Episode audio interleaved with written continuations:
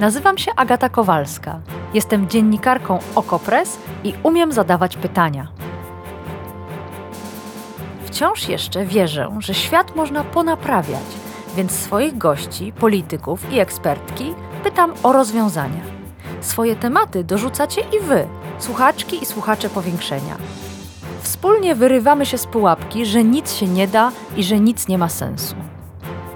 Zawsze dochodzimy do sedna. No, prawie zawsze. Zapraszam.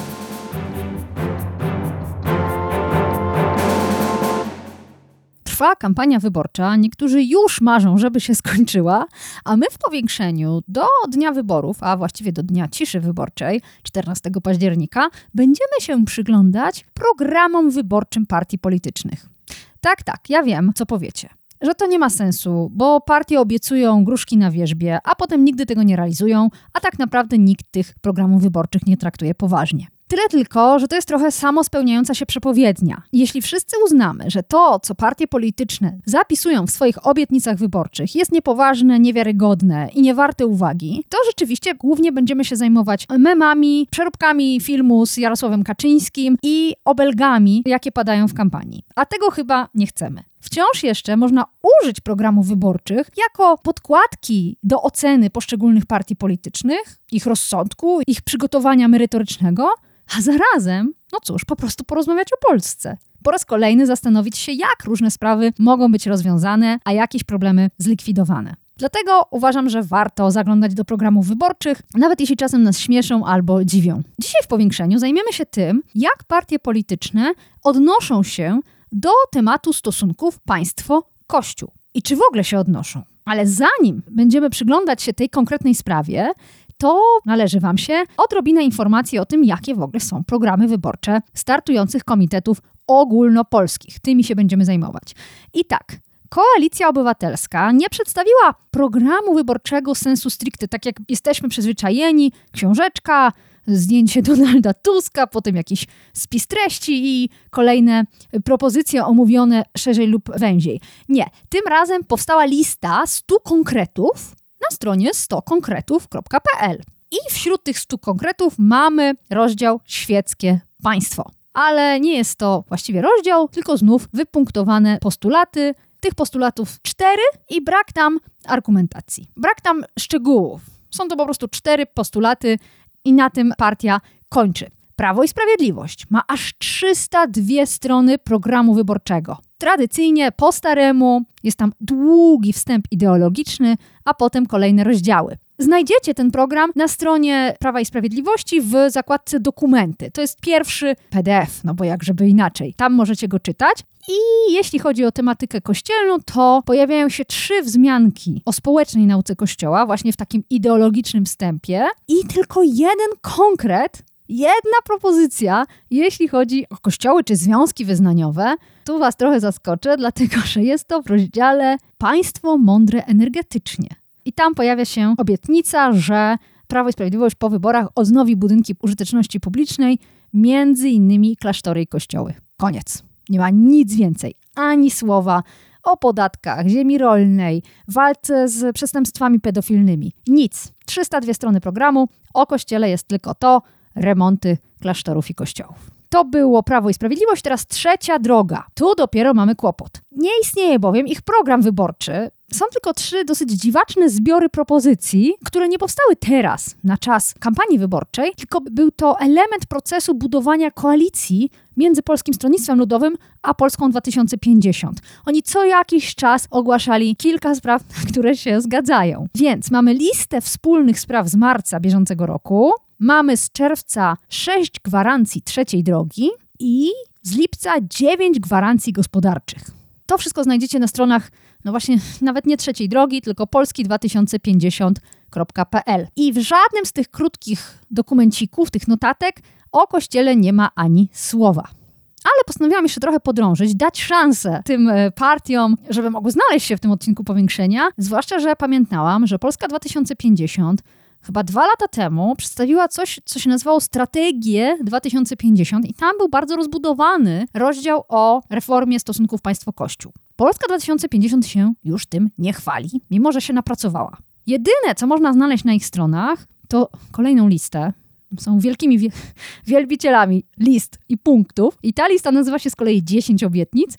I jest tam jedna propozycja dotycząca kościołów i związków wyznaniowych. Będziemy o niej mówić. A jeśli chodzi o drugiego koalicjanta, czyli PSL, to on przedstawia znów, tak jak Prawo i Sprawiedliwość, taki tradycyjny program wyborczy własny. 46 stron, znajdziecie go na stronach www.psl.pl i nie ma tam ani słowa o stosunkach państwo-kościół, o religii, o Janie Pawle II. Cisza, nic. Lewica z kolei warstwowo przedstawia swój program wyborczy. Jak wejdziecie na strony lewica2023.org, to tam najpierw pojawia się coś w rodzaju katalogu sklepu z meblami. Każdy mebel reprezentuje jakiś postulat wyborczy. Gdy tam odpowiednio kliknąć, to pojawia się z kolei lista postulatów, a jak kliknąć jeszcze raz, to jest już taki bardziej rozbudowany program wyborczy, który możemy uznać za tradycyjny. Więc Lewica się napracowała, przygotowała aż trzy formaty swojego e, własnego programu i ma, podobnie jak Koalicja Obywatelska, rozdział świeckie państwo i szereg propozycji. Będziemy dzisiaj o nich w powiększeniu mówić. Konfederacja. Kolejny ogólnopolski komitet wyborczy, startujący we wszystkich okręgach. Program wyborczy Konfederacji nosi tytuł Konstytucja Wolności. I o dziwo, nie ma tam ani słowa o kościele, o religii, ani na przykład o wolności wyznania lub bezwyznaniowości. Co trochę dziwi, dlatego że Konfederacja bez przerwy opowiada o tym, jak to będzie oszczędzać pieniądze podatników, ratować przedsiębiorców, okrajać wydatki państwowe, ale jeśli chodzi o okrajanie wydatków państwowych na cele kościelne, nie wspomina. Nie rozumiem, ale jak rozumiecie, to napiszcie proszę i mi to wyjaśnijcie. agata.kowalska małpa oko Press. I ostatni komitet ogólnopolski, czyli bezpartyjni samorządowcy, przedstawiają program w formie PDF na swojej stronie bezpartyjnisamorządowcy.pl i tam również ani słowa o kościele, ani słowa o religii, ani słowa o wolności wyznania. Cisza. W związku z tym w dzisiejszym powiększeniu będziemy się skupiać głównie na tych komitetach wyborczych, które jednak coś o Kościele do powiedzenia mają. Będziemy się zastanawiać, na ile ich propozycje są realizowalne, sensowne i czy przypadkiem nie są przykrywką do tego, żeby wszystko zostało po staremu. Zatem zabieramy się za czytanie, analizowanie i oczywiście krytykowanie. Zapraszam.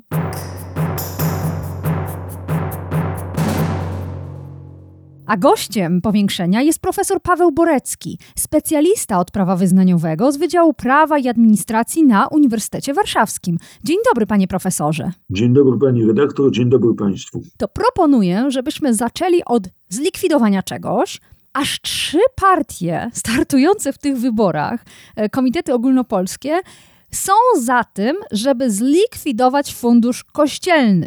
Te trzy partie to koalicja, czy Komitet Koalicji Obywatelskiej, Nowej Lewicy oraz Polski 2050, tu od razu zastrzeżenie, trzecia droga tego postulatu nie ma, natomiast Polska 2050 jako osobna partia, owszem, więc ją wymieniamy.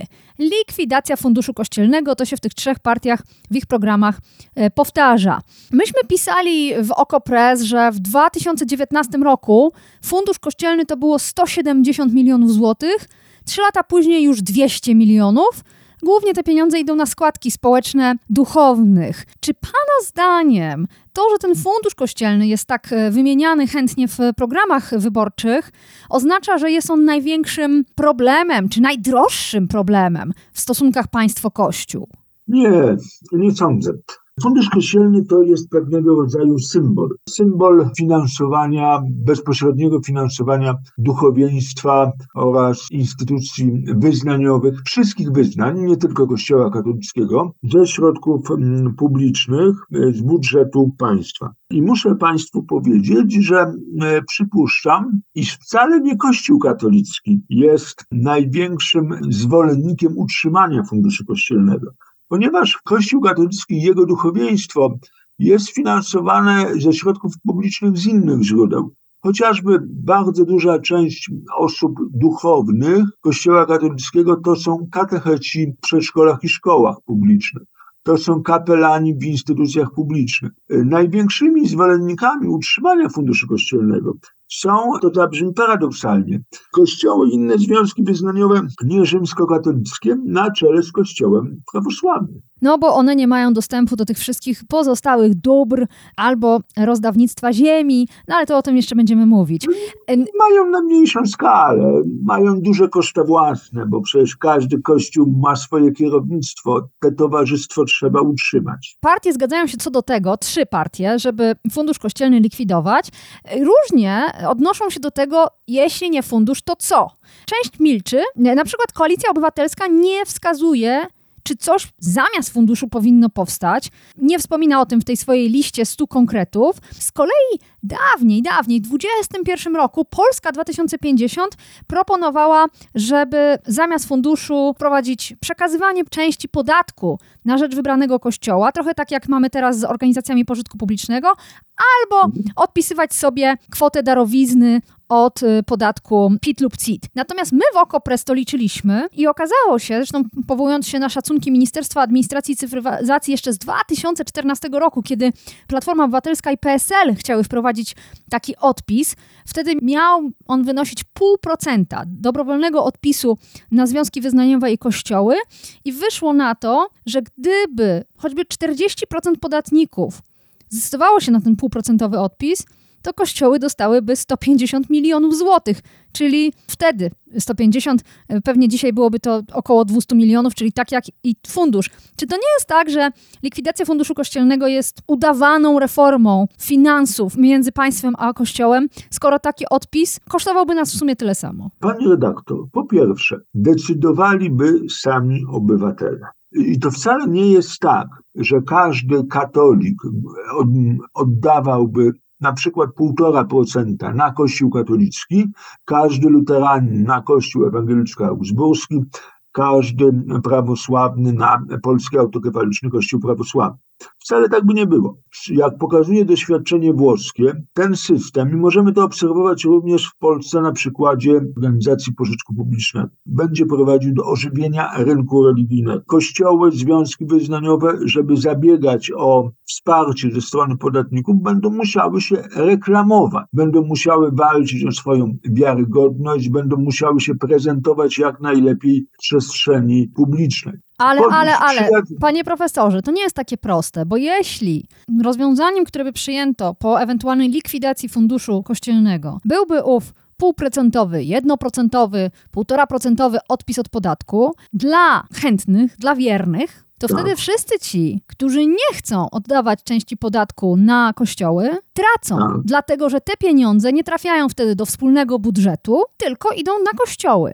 Innymi słowy, gdybyśmy chcieli to porównać do organizacji pożytku publicznego, to wtedy powinno być tak, że ów półprocentowy czy jednoprocentowy odpis jest możliwy również na organizacje działające na rzecz świeckości państwa albo organizacje wspierające osoby bezwyznaniowe i ich prawa, tak, żeby realizować konstytucyjną zasadę równości ze względu na wyznanie lub brak wyznania.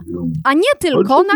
No, ale o tym nikt nie mówi. Pani redaktor, ale to trzeba byłoby po pierwsze zacząć od e, reformy rejestru kościołów i innych związków wyznaniowych i rozszerzyć ten rejestr na tak zwane organizacje światopoglądowe. Ja się za tym opowiadam jak najbardziej. Konstytucja w artykule 25 mówi o bezstronności światopoglądowej władz publicznych, więc dlaczegoż miałoby to nie nastąpić? Niestety konstytucja nie dostrzega organizacji laickich, organizacji światopoglądowych. No ale dobrze, należałoby z- zmienić formułę rejestru. E, to po pierwsze. Po drugie, te organizacje, tak zwane organizacje laickie, można by je wymienić, Towarzystwo Humanistyczne, Towarzystwo na Rzecz Etyki Świeckiej, stowarzyszenia zarejestrowane w, w tej formie działają na przykład loże wolnomularskie w Polsce. E, tylko te organizacje musiałyby spełnić takie same warunki formalne jak związki wyznaniowe. To znaczy mieć pewien korpus na przykład przekonań światopoglądowych, spójnych przekonań światopoglądowych, musiały być władze, mieć swoje prawo wewnętrzne i tak dalej. No to uprośćmy sobie, bo to brzmi wszystko rzeczywiście jak pułapka i komplikowanie. Jakiś czas temu Daniel Flies w Okopres wskazywał, że wszystkie te kłopoty niesprawiedliwości podatkowej, ujmowania z budżetu pieniędzy, które wędrują na kościoły, albo właśnie tych komplikacji związanych z różnego rodzaju organizacjami świeckimi, wszystkie te kłopoty można zmieść ze stołu, jeśli wprowadzić by nie żaden odpis, nie żaden 1% na kościoły, tylko po prostu dobrowolny, dodatkowy podatek na rzecz związków wyznaniowych kościołów, który deklarowałoby się przy wypełnianiu PIT-u. Wtedy ci, którzy tego nie robią, nie traciliby ze wspólnej kasy. Co pan o tym myśli? Bo tego rozwiązania chyba nikt nie proponuje teraz w wyborach. Panie redaktor, to rozwiązanie w polskim prawie podatkowym już jest. Już jest. Każdy podatnik może przekazać na rzecz kościołów i związków wyznaniowych na cele kultu religijnego darowiznę i odliczyć nią od podatku. Ale to No nie jest, nie. panie profesorze, to nie jest to samo rozwiązanie, dlatego że to jest darowizna odliczona od podatku, czyli znowu ujmujemy ze wspólnej kasy. A ja mówię o rozwiązaniu podatkowym, które no po prostu jest naszym własnym kosztem, indywidualnym, a nie odliczanym od tego, co jesteśmy e, państwu Rozumiem. winni. Chce pani, No. żeby e, to się finansowało wyłącznie ze składek wiernych. Tak, tak ta, samo jak... e, Taki system, pani redaktor, na wzór amerykański, Kościół finansował się z ofiarności wiernych i dzięki temu miał jeden bardzo ważny przymiot, a mianowicie był niezależny finansowo od władz państwowych. Ja to mówiłem na konferencji kilka dni temu e, w siedzibie arcybiskupów warszawskich, że jestem zwolennikiem modelu e, amerykańskiego, gdyż on gwarantuje jedną rzecz Kościołowi wolność Kościoła, a to jest wartość fundamentalna dla Kościoła. No, y, nie wiem, czy dla Kościoła katolickiego we współczesnej Polsce, ale to już na osobną dyskusję. Przejdźmy do programów i propozycji. Lewica ma dosyć rozbudowane pomysły i postuluje koniec oddawania ziemi Kościołowi, jawność jego przychodów i opodatkowanie jego działalności. Czy można to zrealizować pod obecną Konstytucją Rzeczypospolitej Polskiej i pod obecnym konkordatem? Pani redaktor, za jawnością finansów Kościoła opowiadam się jak najbardziej. To powinna być jawność przede wszystkim do dla jego własnych wyznawców. E, Katolicy mają Nie, prawo dla urzędów skarbowych. Jeżeli Kościół katolicki dostaje pieniądze od państwa lub jeżeli korzysta z ulg i zwolnień podatkowych, czyli jest dofinansowywany pośrednio ze środków publicznych, ma obowiązek informować przynajmniej e, opinię publiczną, jakie to są kwoty, skąd one pochodzą. Obecny system po- opodatkowania Kościoła katolickiego w zakresie dochodów z niegospodarczej działalności statutowej jest kryminogenny. To jest jedna wielka czarna dziura dla władz skarbowych. Ja się zgadzam. Jawność jak najbardziej. Natomiast jeżeli Kościół otrzymuje pieniądze od swoich wiernych, na przykład na tace, czy na przykład w ramach chodzenia po kolędzie tak zwanej, to to jest moim zdaniem wewnętrzna sprawa Kościoła. No pytanie właśnie, no jak to ująć, żeby nie naruszyć też ważnej konstytucyjnie zasady niezależności Kościoła od państwa. Oczywiście ta niezależność nie jest absolutna, natomiast tu trzeba wyważyć. Ale zaraz, dlaczego naruszać niezależność Kościoła od państwa miałby fakt, że Urząd Skarbowy wie, ile ksiądz zebrał na tacę, ile zapłacono mu za pogrzeby i wesela? Przecież to nie oznacza automatycznie opodatkowywania tych pieniędzy, a nawet Tak, jeśli to mówię, opodatkowanie- To jest, to do dyskusji. Ja Opoda- się nie, nie upieram. Chodzi mi o to, że opodatkowanie nie jest automatycznie rozumiane jako naruszanie niezależności, bo to by oznaczało, O, że wszystkie redaktor, przy pod- pomocy podatków to można y, na bardzo wiele rzeczy wpływać. ale nie automatycznie. Można, tak jak z każdym narzędziem. co przez podatki można wpływać na dzietność społeczeństwa, na, na to, czy ludzie będą mieli dzieci, czy nie. Ale widzi pan, to sam pan potwierdził. Można działać in plus albo in minus, zależnie, albo po Oczywiście. prostu neutralnie, zależnie od tego, jak się to ustali. Ale to nie jest tak, że automatycznie dowolne opodatkowanie oznacza naruszanie niezależności pod opodatkowywanego podmiotu. Myślę, że info, informacje, informacja nam się należy. Tak, e, no dobrze, ale czy ten pomysł jest y, zgodny z konkordatem i z Konstytucją Rzeczypospolitej Polskiej? E, Panie redaktor, e, w konkordacie jest taka sama zasada, bardzo zbliżona zasada jak w artykule 25 Konstytucji, czyli też jest zasada niezależności i autonomii państwa i, Kościoła. To po pierwsze, ale to jest e, zasada ogólna, to jest deklaracja, nie wiem, ideowość polityczna. Natomiast diabeł tkwi w szczególe. A ten szczegół jest taki, że konkordat w zasadzie nie reguluje kwestii finansowych i podatkowych instytucji kościelnych i duchowieństwa. Reguluje w bardzo wąskim zakresie, na przykład przewidując dofinansowanie z budżetu państwa obecnie Uniwersytetu Papieskiego Jana Pawła II w Krakowie oraz Katolickiego Uniwersytetu Lubelskiego. Natomiast nie przewiduje szczegółowo na jakich zasadach ma być dofinansowanie tych dwóch uczelni. Czy to mają być dotacje na przykład na studenta, czy także na inwestycje budowlane. Przyjęto w praktyce rozwiązanie Mm. maksymalnie Mhm, korzystne dla mhm. Kościoła. Druga rzecz. 15 kwietnia 1997 roku rząd Włodzimierza Cimoszewicza wydał tak zwaną deklarację wyjaśniającą do konkordatu. Deklaracja została opracowana przy współudziale przedstawicieli Episkopatu Polski. Została przyjęta, i to jest w tytule tej deklaracji, w uzgodnieniu ze Stolicą Apostolską. W punkcie szóstym tej deklaracji jest mowa, że sprawy finansowe i podatkowe w istocie rzeczy należą do suwerennej kompetencji władz państwa polskiego, a jedyne, co kompetentne organy państwa polskiego mają obowiązek uczynić zgodnie z artykułem 22 konkordatu, to zasięgnięcie opinii, ale nie zgody, opinii strony kościelnej na forum specjalnej komisji przewidzianej w artykule 22 traktatu. Ta komisja, i to jest ciekawe, nie została powołana od no, 25 lat. 25 lat, mimo że rządziły różne Mm. ekipy. Od lewicy poprzez AWS, zgoda panowała w tej kwestii. Jaka by władza nie rządziła, nic. Tajemnica.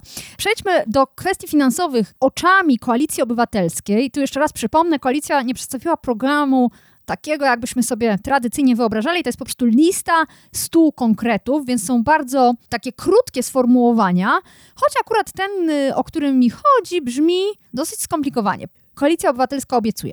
Wprowadzimy zakaz finansowania z pieniędzy publicznych działalności gospodarczej, diecezji, parafii, zakonów i innych elementów gospodarczych kościołów i związków wyznaniowych z wyłączeniem działalności służącej celom humanitarnym, charytatywno-opiekuńczym, naukowym i oświatowo-wychowawczym. Tacy biznesmeni jak Tadeusz Rydzyk powinni sobie radzić bez pieniędzy pochodzących z podatków obywateli. Czy to jest obietnica, w której tak naprawdę nic się nie zmieni? Pani redaktor, ta obietnica wskazuje, że skończy się bezpośrednie dawanie pieniędzy, przywożenie książeczek czekowych do Torunia, czy nie wiem, do Krakowa, czy Bóg wie gdzie jeszcze. Natomiast. Ale zaraz, to proszę wyjaśnić, dlatego że ten wyjątek od zakazu obejmuje między innymi działalność naukową, oświatowo-wychowawczą. Tadeusz Rydzyk powołał uczelnie, powoływał różnego rodzaju podmioty i inicjatywy związane z szeroko rozumianą oświatą, również podpinał się pod działalność opiekuńczą. On zawsze znajdował sobie miejsce i nie dało się znaleźć w tych um, umowach, w tych dokumentach jakiegoś naruszenia prawa, więc dlaczego miałby nie obejść i tego zakazu? Po pierwsze trzeba zwrócić uwagę, w jakiej formie prawnej Tadeusz Rydzyk tą działalność prowadzi. Jeżeli to miałyby być na przykład fundacje kościelne w rozumieniu ustawy o stosunku państwa do kościoła katolickiego, to jest jeszcze okej. Ale przecież fundacja Lux Veritatis to jest fundacja niekościelna, to jest fundacja Tadeusza Rydzyka, człowieka, osoby fizycznej. Więc wie pani, to tak jak ja poszedłem do sąsiada i dał mu na przykład, nie wiem, 100 tysięcy złotych, żeby prowadził prywatny biznes. To jest na tej zasadzie. Proszę też pamiętać, że w artykule 22 konkordatu jest mowa, że instytucje kościelne prowadzące działalność właśnie charytatywno-opiekuńczą, naukowo-edukacyjną mają być traktowane na równi z instytucjami państwowymi prowadzącymi tego rodzaju działalność. Na równi również w wymiarze prawno-finansowym. To już ostatnia teraz kwestia. Szkoła. O tym wspomina w swoich konkretach Koalicja Obywatelska, Również ma o tym rozdział w programie Lewica. Chodzi o to, żeby w przypadku koalicji zlikwidować ocenę z religii na świadectwie, przestanie wliczać się do średniej oraz ustawić godziny lekcyjne katechezy tak, żeby łatwo było można e, z niej zrezygnować, żeby nie było takich okienek w środku. Natomiast lewica chce skończyć z finansowaniem i organizowaniem lekcji religii w szkole i generalnie pozbyć się y, księży z e, instytucji oświatowych. Ten drugi pomysł, bo pierwszy jest ostrożny, możliwy i teraz. Ten drugi pomysł, bez konkordatu i być może zmiany konstytucji nawet, byłby do zrealizowania? Konkordat mówi wyraźnie. Publiczne szkoły i przedszkola organizują w ramach programu zajęć szkolnych naukę religii zgodnie z wolą zainteresowanych. Tymi zainteresowanymi mogą być rodzice, mogą być również e, dzieci i młodzież.